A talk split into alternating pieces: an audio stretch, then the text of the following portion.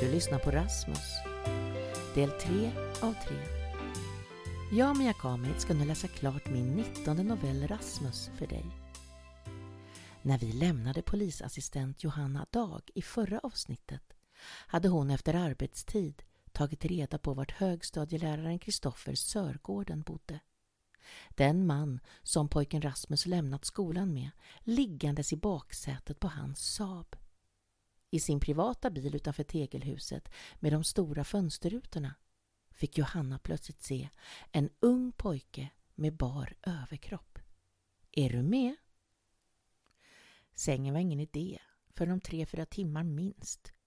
Hon tyckte bäst om att jobba och låta sig bli uppslukad av det. Hon kunde inte alltid våldgästa sin chef Torbjörn heller, även om hon gjorde det ofta. De hade inget angeläget att sätta tänderna i för tillfället. Inget som inte kunde vänta tills imorgon. Annars var Torbjörn likadan. Han jobbade också så mycket som möjligt och Johanna visste att han helst sov, om han sov, i sin soffa framför tvn med ljudet av istället för i sin stora, alltid prydligt bäddade dubbelsäng. Han var lika ensam som hon och därför passade de så bra ihop. Torbjörn var hennes arbetskamrat, fadersfigur och mentor. Ingen annan accepterade henne som han gjorde heller. Hon tänkte på den skärrade kvinnan på Sindris och gjorde en slagning på Kristoffer Sörgården. Ingenting. 57 år, ensamstående, med ett litet hus på Evas backe. Hon tittade på kartan för att se vart den gatan låg. Bredvid Adams backe och konvaljstigen. Ah, det var orkidéerna, Eva Adam, som menades. Alla gator hade blomnamn i det där området. Hon visste vad det var och vred om tändningsnyckeln. Efter en halvtimme satt hon utanför ett litet enplans tegelhus. Det var skumt i största delen, men det lyste i källaren. Han kanske hade gillestuga. Ett hörn av huset var inglasat. Det såg ut som ett växthus eller ett terrarium. En onaturligt skarp belysning strålade ut därifrån. Glasrutorna var höga och immiga. Det var fuktigt där inne och det rann längs glaset. Odlade han cannabis och sålde till sina elever? Plötsligt stelnade hon till. En smal pojke med bar överkropp syntes bakom glaset. Det var svårt att se tydligt med den begränsade insynen men det var en smal kropp med ljust hår. Siri hade beskrivit Kristoffer Sörgården som en fetknopp. Hon svamlade alltså inte. Grabben fanns där inne. Skulle hon ringa till Torbjörn? Äh, det fanns ju ingen anmälan. Ingen Rasmus Ragnarsson var anmäld saknad. Det hade hon hört på polisradion i så fall, eller läst på intranätet. Det kröp i kroppen på henne. Hon var nyfiken. Hon ville veta vad som försiggick där inne. Skulle hon dra en vals? Medan hon funderade lossade hon på säkerhetsbältet och steg ur bilen. Det var så typiskt ogenomtänkt henne. Det doftade kalops. Och vad hungrig hon var. Det var länge sedan hon hade ätit pannkakorna på Sindris. Hon satte fingret mot dörrklockan och hörde den ilskna signalen inifrån huset. Johanna var tacksam över att dörren öppnades så fort och mannen framför henne i tamburen var fullt påklädd. Då hade hon inte klampat in i något olämpligt som krävde tid att göra sig presentabel först innan man kunde gå och öppna. Johanna Dag, från polisen här, började hon. Får jag slippa blåsten en stund och komma in en minut? Hon visade sin polisbricka och fick mannen att ta ett steg bakåt så hon kom in och kunde stänga dörren bakom sig. Vad gäller saken? Rutin. Det har varit problem med småstölder i området och vi knackar dörr. Så här dags? Ja. Johanna kom av sig lite. Vad var klockan egentligen? Men hon fann sig. De flesta arbetar ju dagtid såklart. Men lagen vilar aldrig. Någon av grannarna hade uppmärksammat att en ungdomscykel som stått här utanför tidigare nu saknas och undrar om ni har något att berätta, fortsatte hon. Johanna hade tänkt snabbt och dragit till med cykeln eftersom ungdomar i Rasmus Ragnarssons ålder brukade föra runt på cykel. Han borde vara för ung för moped. Men hon såg genast att pratet om cykel inte föll i god jord. Kristoffer Sörgården fick en rynka mellan ögonen och sneglade in mot köket därifrån det doftade väldigt gott. Kalops, försökte Johanna fåraktigt släta över. Varför är du här egentligen? Frågade Kristoffer Sörgården irriterat. Johanna såg plötsligt sig själv utifrån och insåg det absurda i att hon stod där ensam i Kristoffer Sörgårdens hall. Hon skulle behöva alla sina fingrar för att räkna upp alla sina löjliga misstag eller trä dem som pärlor på en tråd och göra ett halsband. Hon var civilt klädd, hade lämnat både radio och tjänstevapen i polishuset och mobiltelefonen låg kvar i bilen. Ingen visste var hon var eller att hon ens arbetade efter ordinarie arbetstid och ingen skulle sakna henne förrän tidigast imorgon bitti. Hon hade sina kunskaper i kampsport. Men hon visste ju inte om Kristoffer hade vapen i huset. Eller om han ens var ensam hemma. Hon stod här som en påkommen praoelev med falsklägg. Hennes kinder blossade. Nå, sa han och tog ett steg närmare henne. Stanna där, sa hon skarpt. Vi ska bara prata. Jag såg pojken genom fönstret. Rasmus! Är du där? Hon ropade in mot huset. Ett huvud stack fram i dörrhålet till köket.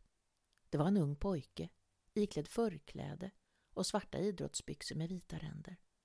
Han var bar på överkroppen. Varför är du naken? började Johanna.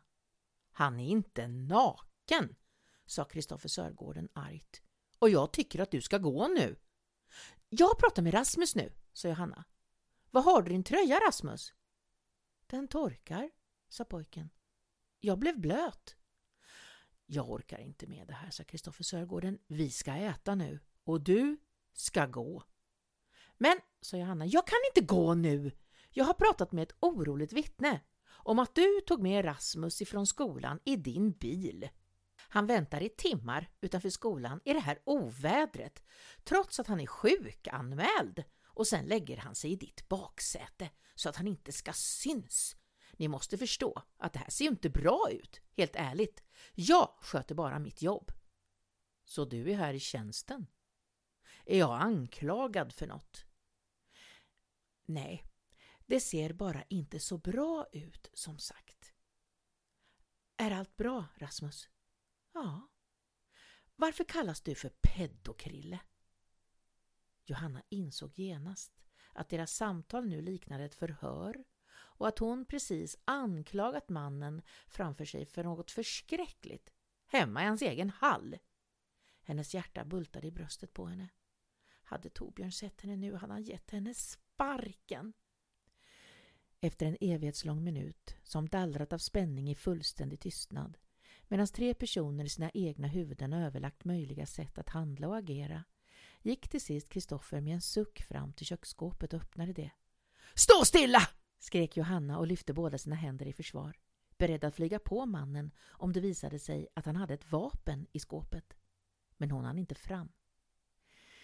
Kristoffer såg trött på henne medan han tog fram en kanna, fyllde den med vatten och satte den på bordet. Det stod redan tallrikar, glas och bestick framme. En skål med ångande potatis, en burk med rödbetor och ett grytunderlägg till kalopsgrytan. Sätt dig, sa Kristoffer. Vi ska äta nu. Mm, började Rasmus, men Kristoffer avbröt. Mjölk, ja visst. Hämtar du det, Rasmus, så maten inte kallnar. Han log vänligt mot pojken och tog till orda medan han la för sig av potatis och kalops. Johanna kunde se hur Rasmus reste sig och hemvant släntrade bort mot kylskåpet efter mjölken. Jag visste inte att mitt rykte hunnit ikapp mig. Jag trodde verkligen att jag äntligen skakat av mig. Jag har ju aldrig blivit dömd för något, men flyttade hit för fyra år sedan, lite drygt, efter en tråkig historia. Ja, det var i min hemstad. Jag arbetade som här på en högstadieskola och kom ihop mig med ett gäng ungdomar i nionde klass. Förslagna pojkar och flickor. De var inte nöjda med sina dåliga betyg. Sådana får man om man inte arbetar med sina uppgifter eller ens kommer till lektionerna. Sommaren och slutbetyget var ju annalkande och det fanns risk för sommarskola för den här skaran. Det var föga populärt och de försökte febrilt att hitta sätt att höja betygen utan att för den skulle försöka anstränga sig och jobba. Många riskerade ju att inte få ett godkänt betyg överhuvudtaget. En av dem hade en yngre bror i sjunde klass och tog en bild av mig tillsammans med honom en dag när jag förtroligt lagt min hand på hans axel i hopp om att han skulle lyssna på mig och, och mina råd till honom. Han var precis som Rasmus här, lite ensam och ansatt av elaka klasskamrater. Sådana ungar. Nosar upp de svaga och utsatta i flocken på nolltid och kan utsätta dem för de mest gräsliga saker. Jag har sett så många exempel på det och har alltid försökt vara en reko och trygg vuxen som ställer upp. Bilden fanns hur som helst på ett ögonblick ute på alla tänkbara sociala medier tillsammans med rubriken som Pedomajen förhandlar om betyg med sina elever. Ju yngre desto bättre betyg. Ett A för ditt ja. Det pågick i månader och det fanns ingenting jag kunde göra för att rentvå mig eller på något vis försvara mig. Skolan stod maktlöst mot allt som skrevs på Facebook med mera. Och föräldrar stod såklart bakom sina barn och förfärades av deras falska anklagelser. Även att det saknades bevis. Den bilden var egentligen det enda. Och ändå tvingades jag till slut att säga upp mig och flytta. Över sommaren reste jag utomlands och inför den nya terminen tog jag mitt pick och pack och flyttade hit. Min bror bor här. Han har stöttat mig. Jag visste inte att någon här kände till den gamla historien. Det förstår jag nu. Det är bara en tidsfråga. Jag stötte på Rasmus när han började sjuan i augusti. Du kan ju berätta själv, Rasmus. Pojken som hela tiden suttit och skifflat i sig av maten lät plötsligt kniv och gaffel bli stilla mot tallriken i ett så krampaktigt grepp att knogarna vitnade. Johanna såg på honom och höll andan. Krille är schysst. Jag får vara här. Måste ju för sig snart hem. Men ibland är jag här på helgen med. Det går inte att vara hemma hos farsan. Särskilt inte på helgen. Krille har sett till så att idrottsmajen låter mig slippa byta om och duscha med de andra. I omklädningsrummet händer mest grejer. Men det kan hända på olika platser. Man vet liksom aldrig. På toa vågar man inte gå. Där inne är man typ oskyddad och försöker man gå på en enskild toa i korridoren då kan man bli instängd. En gång flyttade de ett helt skåp och ställde framför dörren så jag inte kom ut. Larmet gick vid tio på kvällen och vaktis kom och plockade ut mig. När plugget slutar är det allra värst. De kan vänta på mig och dra in mig i någons epa och dra iväg någonstans. Det kan gå precis hur illa som helst. Farsan blir dölack när jag kommer hem sönderslagen. Han kan ge mig en omgång till bara för jag är så värdelös, säger han. Då är det bättre att jag gömmer mig här. Krille lär mig laga mat och jag får hjälpa till med orkidéerna ibland. Han har ett stort akvarium där inne också. Har du bara din pappa? undrade Johanna. Ja, morsan är väck. Väck? Ja, hon dog när jag var typ tre. Så tråkigt. Och din pappa? Undrar inte han vart du är? Nej, bara jag ligger i min säng på morgonen när han går till jobbet så är det lugnt. Jag försöker hålla mig undan. Han jobbar skift och börjar astidigt. Har du hjälpt till att laga det här? undrar Johanna och tog ytterligare en munsbit av maten. Ja, ikväll skulle vi göra kalops, avbröt Kristoffer. Som den ska smaka med lagerblad och svartpepparkorn. Verkligen jättegott, sa Johanna. Jag var visst jättehungrig. Jag ber om ursäkt för att jag stormade in här och åt upp er mat. Nu känns det som vi har rätat ut alla frågetecken i alla fall, sa Kristoffer. Och ditt vittne, hur blir det med det?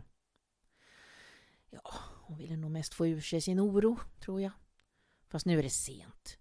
Du borde väl till skolan imorgon, Rasmus? Du är ju inte sjuk i alla fall. Jag kan köra dig nu när jag kör hem. Så slipper du blåsten. Men, började Rasmus, men Kristoffer avbröt honom faderligt igen. Du kanske skulle göra det, Rasmus. Vi ses ju igen imorgon. Du får lyssna på polisen. Det är sent. Och du måste ju ändå hem innan din pappa saknar dig. Okej. Okay. Jag ska se om inte din tröja är torr nu. Det blev inte så mycket sagt i bilen. Johanna önskade att Torbjörn hade varit där. Han var bättre på att få barn att känna förtroende och öppna sig. Vuxna också för den delen. Sen ångrade hon sig och tänkte att Torbjörn inte skulle behöva känna till det här överhuvudtaget. Hennes lilla överträdelse. Hon hade skämt ut sig. Tur att det hade löst sig så bra som det hade gjort. Mätt var hon också. Hade hon tur skulle allt sammans glida förbi och glömmas bort. Schysst att det fanns hyggligt folk som ville ställa upp för utsatta och svaga när alla andra svek. Hon önskade att någon hade uppmärksammat henne under hennes skoltid. Hon släppte av Rasmus utanför hans hyreshus och tittade upp mot alla huskroppar som likt mörka kolonner tornade upp sig mot en ännu mörkare himmel. Hon såg hans magra kropp försvinna in i ett av husen. Med axlarna uppdragna mot öronen. Grabben behövde en bättre vinterjacka. Fyrkanter av trivsamt ljus lyste ur hundratals fönster men Johanna visste att det inte fanns trivsel bakom dem alla. Det var inte länge sedan hon hade träffat en liten flicka som hette Rebecka bakom ett av de där fönstren. Fia bakom ett annat och Sam bakom ett tredje.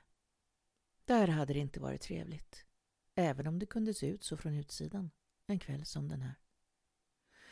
Hon undrade vad det hade blivit av lilla Rebecka. Ännu en stackare där polisen varit med och bidragit till en förhoppningsvis lyckligare framtid. Om inte skadan redan varit för stor. Nej, så skulle hon inte tänka. Hon skulle hålla sina tummar för Rasmus. Han hade i alla fall någon.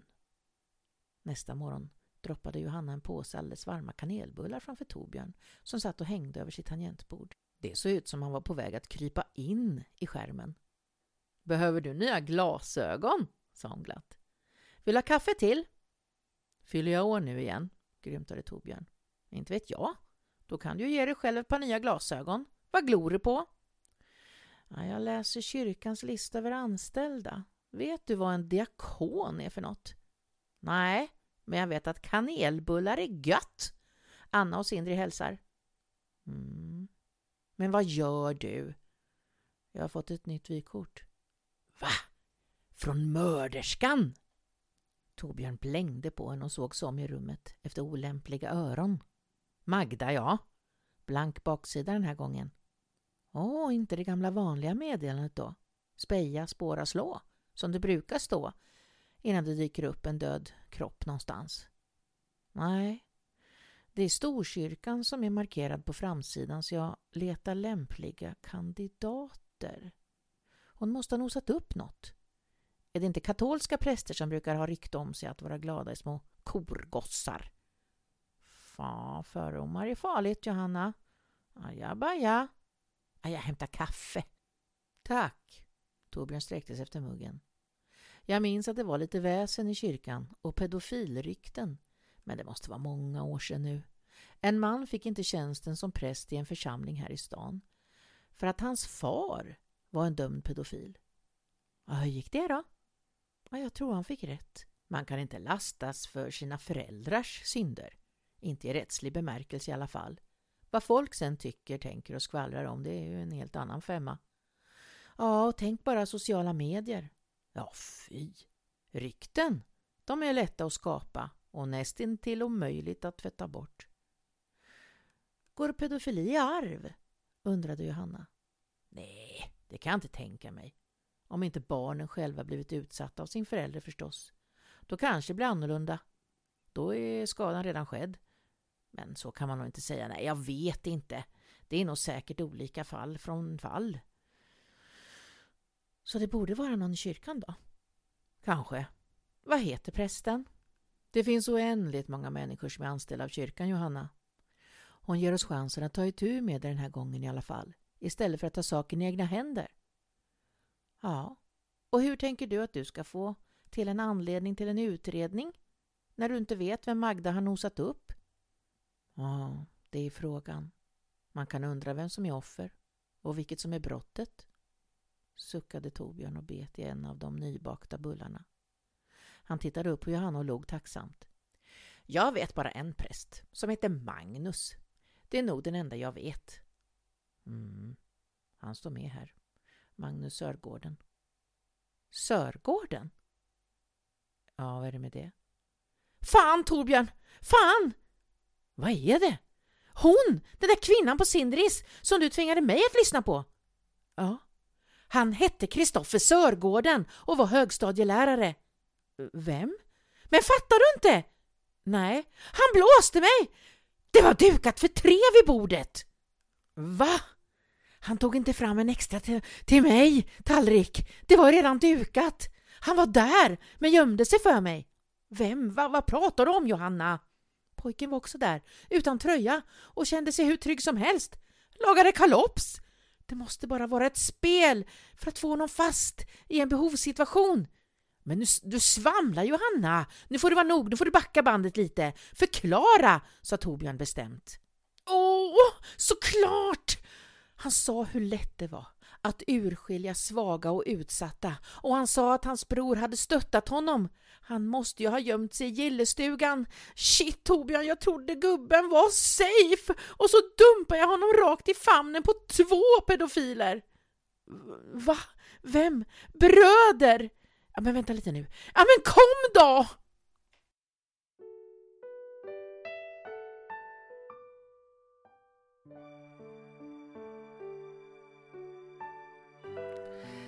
Tack för att du har lyssnat. Jag hoppas att Rasmus inte tagit skada och att Torbjörn och Johanna hann fram i tid. Jag är mäkta imponerad och känner stor tacksamhet för alla som har kraft att arbeta, både preventivt och även mitt ibland brott mot barn. Själv skulle jag gå sönder. Min nästa novell heter Ruben och handlar om en vänskapsrelation mellan en gammal man och en ung flicka. Vad får du för vibbar av det? Det är inte alltid som man tror. Hoppas du blir nyfiken och vill fortsätta lyssna. Ta hand om dig nu tills vi hörs igen. Hälsningar från mig, Mia Kamitz.